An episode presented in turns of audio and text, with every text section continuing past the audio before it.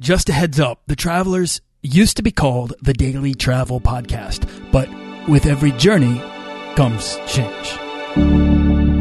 This podcast is produced by Holocene, a community of creative travelers. If you want to get serious about planning that next trip, writing that book, starting that creative project, or launching that business, we're breaking down the barriers between where you are where you want to be together at joinholocene.com. That's join, H O L O C E N E.com. This is episode 45, part one of my conversation with Gary Bembridge. You want to travel further and more often to visit new places and meet new people and expand the role that travel plays in your life? I'm your guide, Nathaniel Boyle, an explorer that wants to help you get out, see the world, and find meaningful, life changing experiences. Everyone wants to be adventurous and have great stories. To do the stuff of legend, this is the Daily Travel Podcast. Okay, explorers, here's the thing. Podcasts really need your input, particularly your reviews. And if you could leave me a review on iTunes, I would love you for it. I'll even try to feature your review right here on the show. So feel free to ask any travel question or leave your best travel tip, and I will do my best to get it featured on an episode of the Daily Travel Podcast. Gary Bembridge has been traveling every month of every year for the past 20 plus years. It, it, used to be as a business traveler doing global marketing. Nowadays, he's an independent consultant. And for the past nine years, he's been running tipsfortravelers.com, a website and podcast to share his best advice from his own travels. And the man is an expert on cruises, and he's the author of the Cruise Traveler's Handbook, advice and tips on finding and having unforgettable cruise vacations. And a couple years ago, he launched the Better Bloggers podcast at travelbloggerspodcast.com to share his best tips to help travel bloggers do what it is they do even better. Gary knows his stuff because he speaks from experience. So for anyone that's a travel blogger and wants to find out how to be a better resource and partner with brands as he has with much success, you might want to hear what Gary has to say today. So Gary, welcome to the Daily Travel Podcast. Great. Thanks for having me. It's, uh, it's good to be on. Thanks. Uh, where are you right now? I'm actually in London. I'm in I'm in rainy London. As you were saying just before we started recording, it's uh, if you phone someone in, or contact someone in London, it's like ninety percent chance it's raining, and of course it is. you and I are both hiding out in our in our homes. I'm assuming is that your home? That's right. Yes, yeah, we're both hiding out from the rain, just chatting on a microphone, staring into our computers. I'm guessing. Exactly. Beats exactly. being outside today. So. Exactly. I've shared, actually, I shared a lot about you, but I want you to introduce yourself, who you are, and how you got started in travel.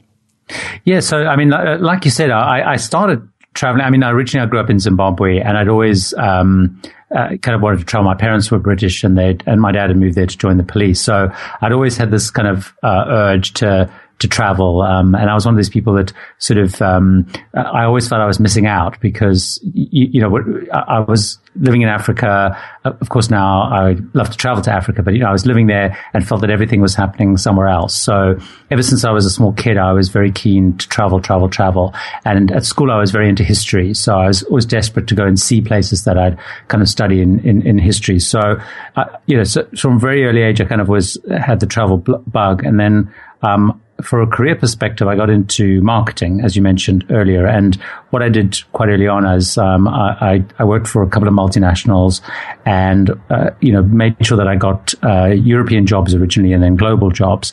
So the great thing about that is it meant that I was traveling when someone else was kind of covering the cost um, of it, which was always a, a plus.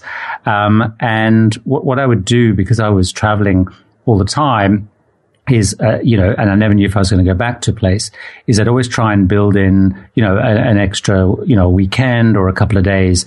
And I would research like crazy before I went to make sure that I knew uh, what I needed to see, how I'd get there, the best place to stay, the best way to get there, and um, you, you, know took advantage of of business travel. And then I realized I had all this kind of content that I was generating that might be useful for other people. So that's how I sort of got into the, the, the, the blogging and the video making and the podcasting and stuff to kind of share what I was learning uh, as I went.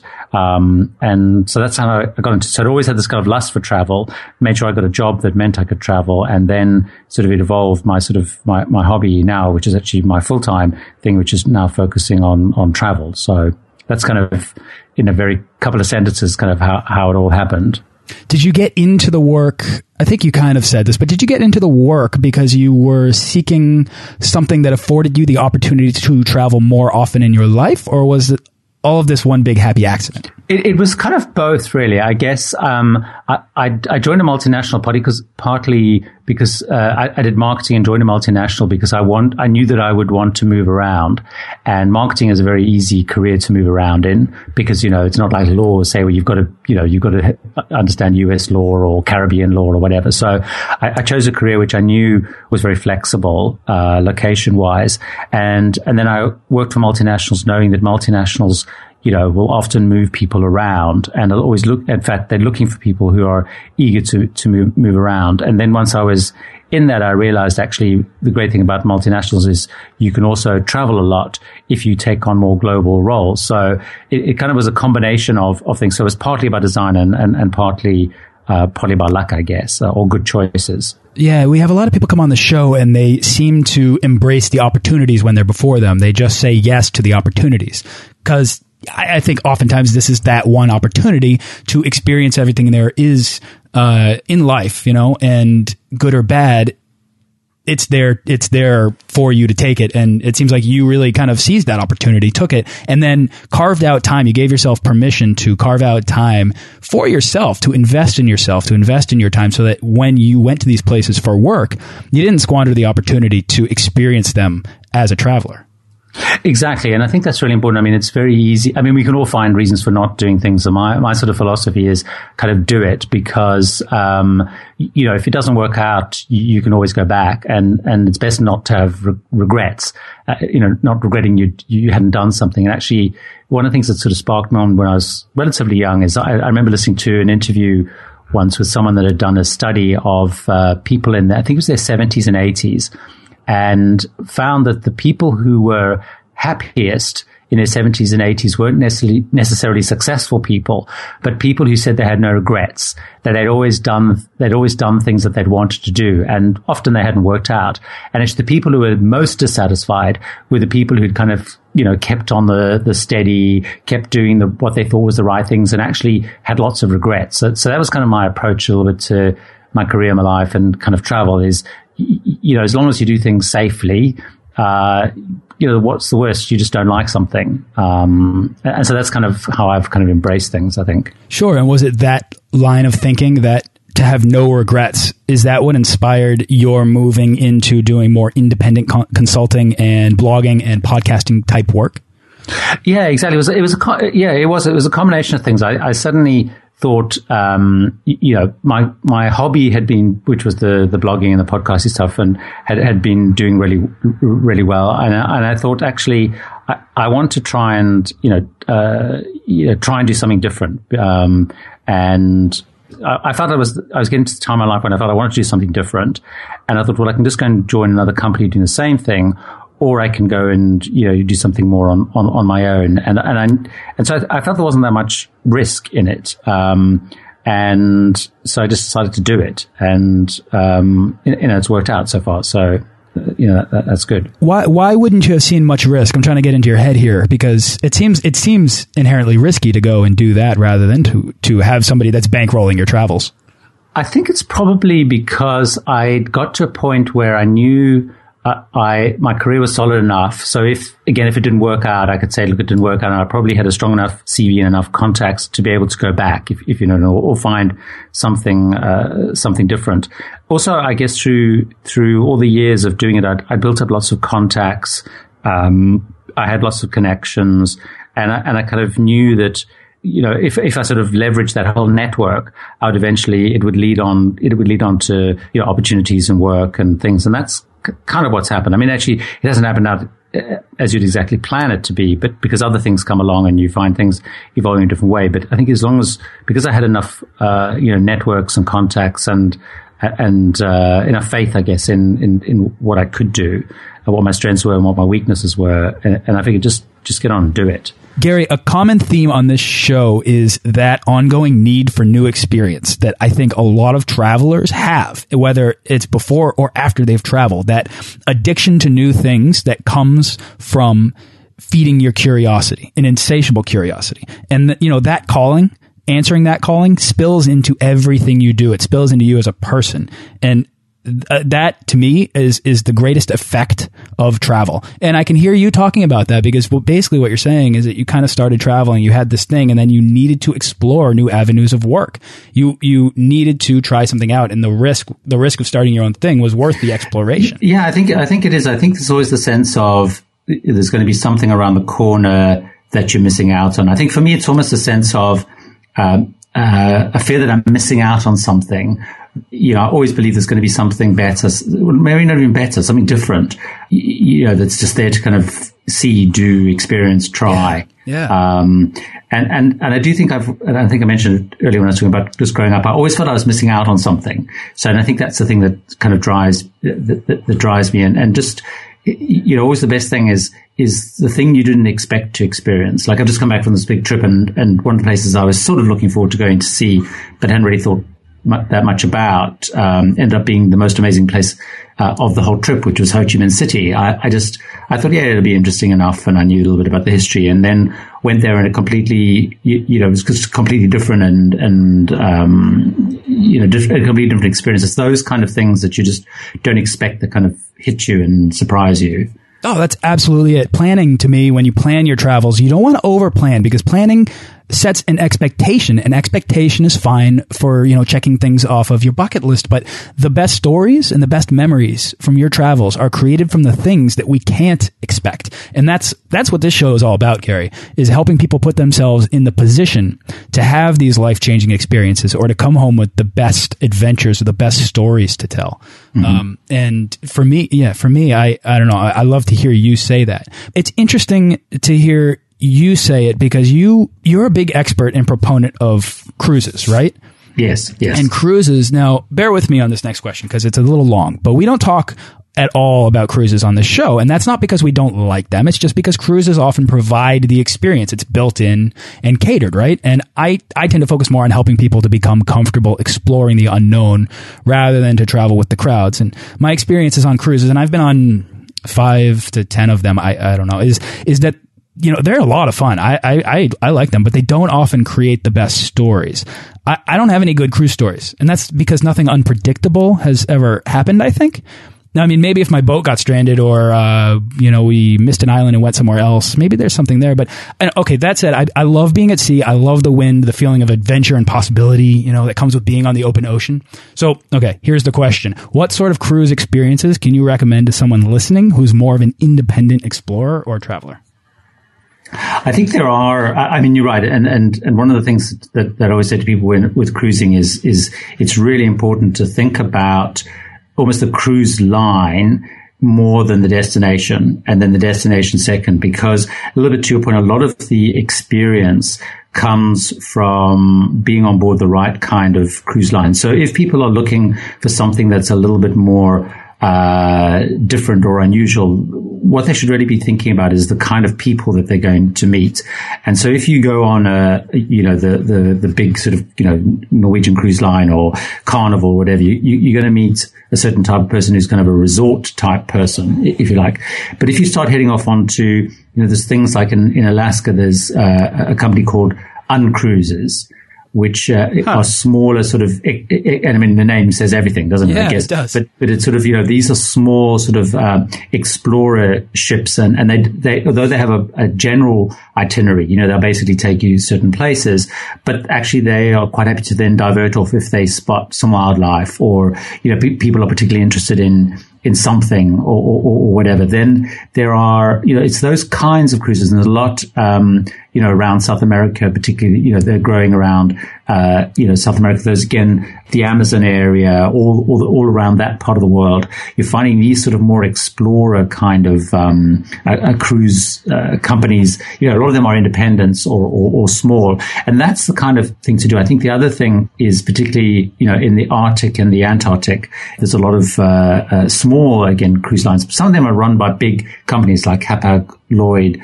and companies like that, which have a history of, you know, kind of, um, uh, in freight and, and transportation, etc. But they're creating these more sort of, um, explorer cruise experiences. So I think it's sort of thinking kind of beyond you know the obvious uh, itineraries.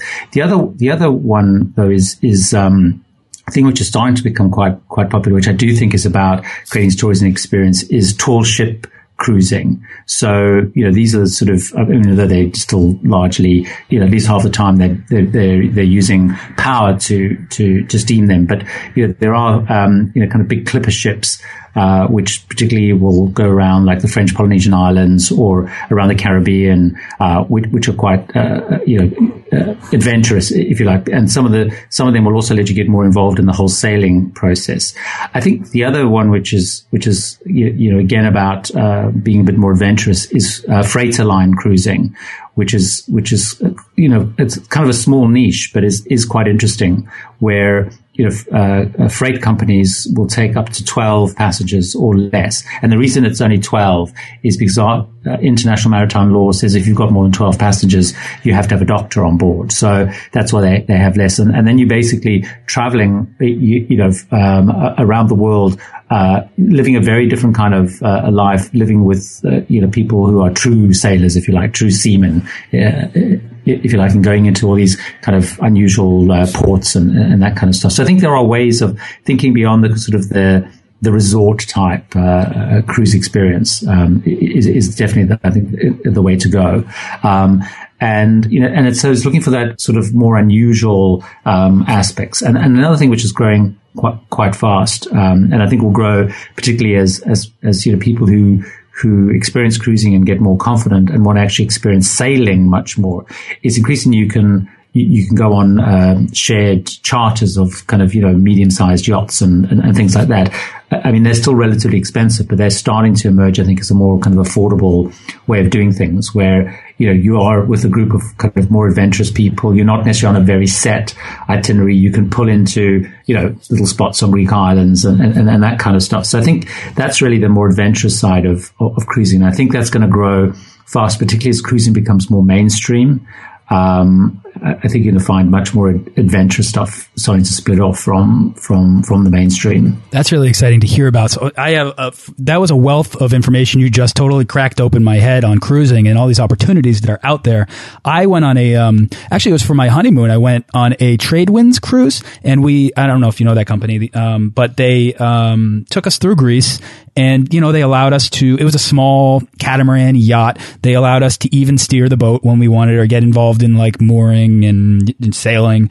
Uh, there were only 10 people on board and we all, um, you know, it's, it's easy being on a big ship to ignore everybody. But when you're 10 people on a small catamaran, you all eat together. You share your stories and your differences and you, you actually derive amazing stories because the best stories come on your travels, the best stories come from the people you meet. I find, and exactly right, isn't that, I mean it's a exactly. it's a wonderful Absolutely. thing, and yeah. and uh, and it, it's an opportunity that I it can be easily squandered, I think, especially on big boats. But I love to hear of all of these different, these smaller, more affordable, adventurous side of cruising. That sounds great. I, I'd actually love to uh, get some resources from you so that people could know where to go to find out more about these cruises. Sure, absolutely, absolutely. So why don't I get those from you, and I'll put them in the show notes. And if anybody wants to check them out, um, just to click around, just to just to see what's out there, that'd be great. You also mentioned freighter line companies and only twelve people per boat, and those, mm -hmm. are, those are big vessels, so that's kind of a surprisingly low number. How do you get a ticket on these freighters, and are they expensive? They they're not expensive. I mean, on average, it's probably, and again, it varies a bit. But if you say on average, it's going to cost you around up to 100 US dollars a day. Yes, so. I mean, bear in mind, you can also probably get that on some of the big resort ships, you know, when there's big deals going on. But so it's not it's not massively um, expensive. But then you're not really spending anything else once you're on board because um, you know you're not there's no casinos and whatever, you know, photo, photographs to buy and it's not much to do, right? Exactly. Yeah. So, but um, but and the way you get them, there's a, there's a couple of um, agencies that that um, that you book through. So you, you don't necessarily book directly through with the individual uh, freighter companies, but there's about three or four main sort of agents that you can go through. Um, and again, I can send you a list of, of those resources, resources anyone's interested. But, um, and actually in my book, I, I list them uh, uh, and talk about them quite a lot actually. But, um, but I can send, I can certainly send you the, those resources. There's, there's, I think three, if I remember correctly, there's three or there's there's four that are really that most people would use um, uh, that, that would cover the whole world. Oh, that sounds great. We'll yeah. use the show notes of this episode as an opportunity to uh, get people kind of an ability to dive into this stuff. And we'll link to your book as well for anybody that really wants to go deep into it um, because it's a great resource for anybody that's interested in learning more about cruise travel. That's not just you know the uh, the, the big guys taking people to the obvious tourist large crowd destinations. Um, and exactly. clearly, there's a whole other world here, Gary, that's worth yes. exploring. And, yes. and, I love being at sea. I do. I don't get enough of it. Yeah, so. I think it's great. It's great. You've been listening to part one of my conversation with Gary Bembridge from Tips for Travelers. Tune in to the next session for part two, in which we discuss how to be a better travel blogger or podcaster, plus Gary's best travel advice. Thanks for listening to this episode of the Daily Travel Podcast. For show notes and links to everything in this episode and more, head on over to dailytravelpodcast.com. Join our Facebook page of explorers and subscribe to our newsletter for the best deals and resources to help make your next trip life changing.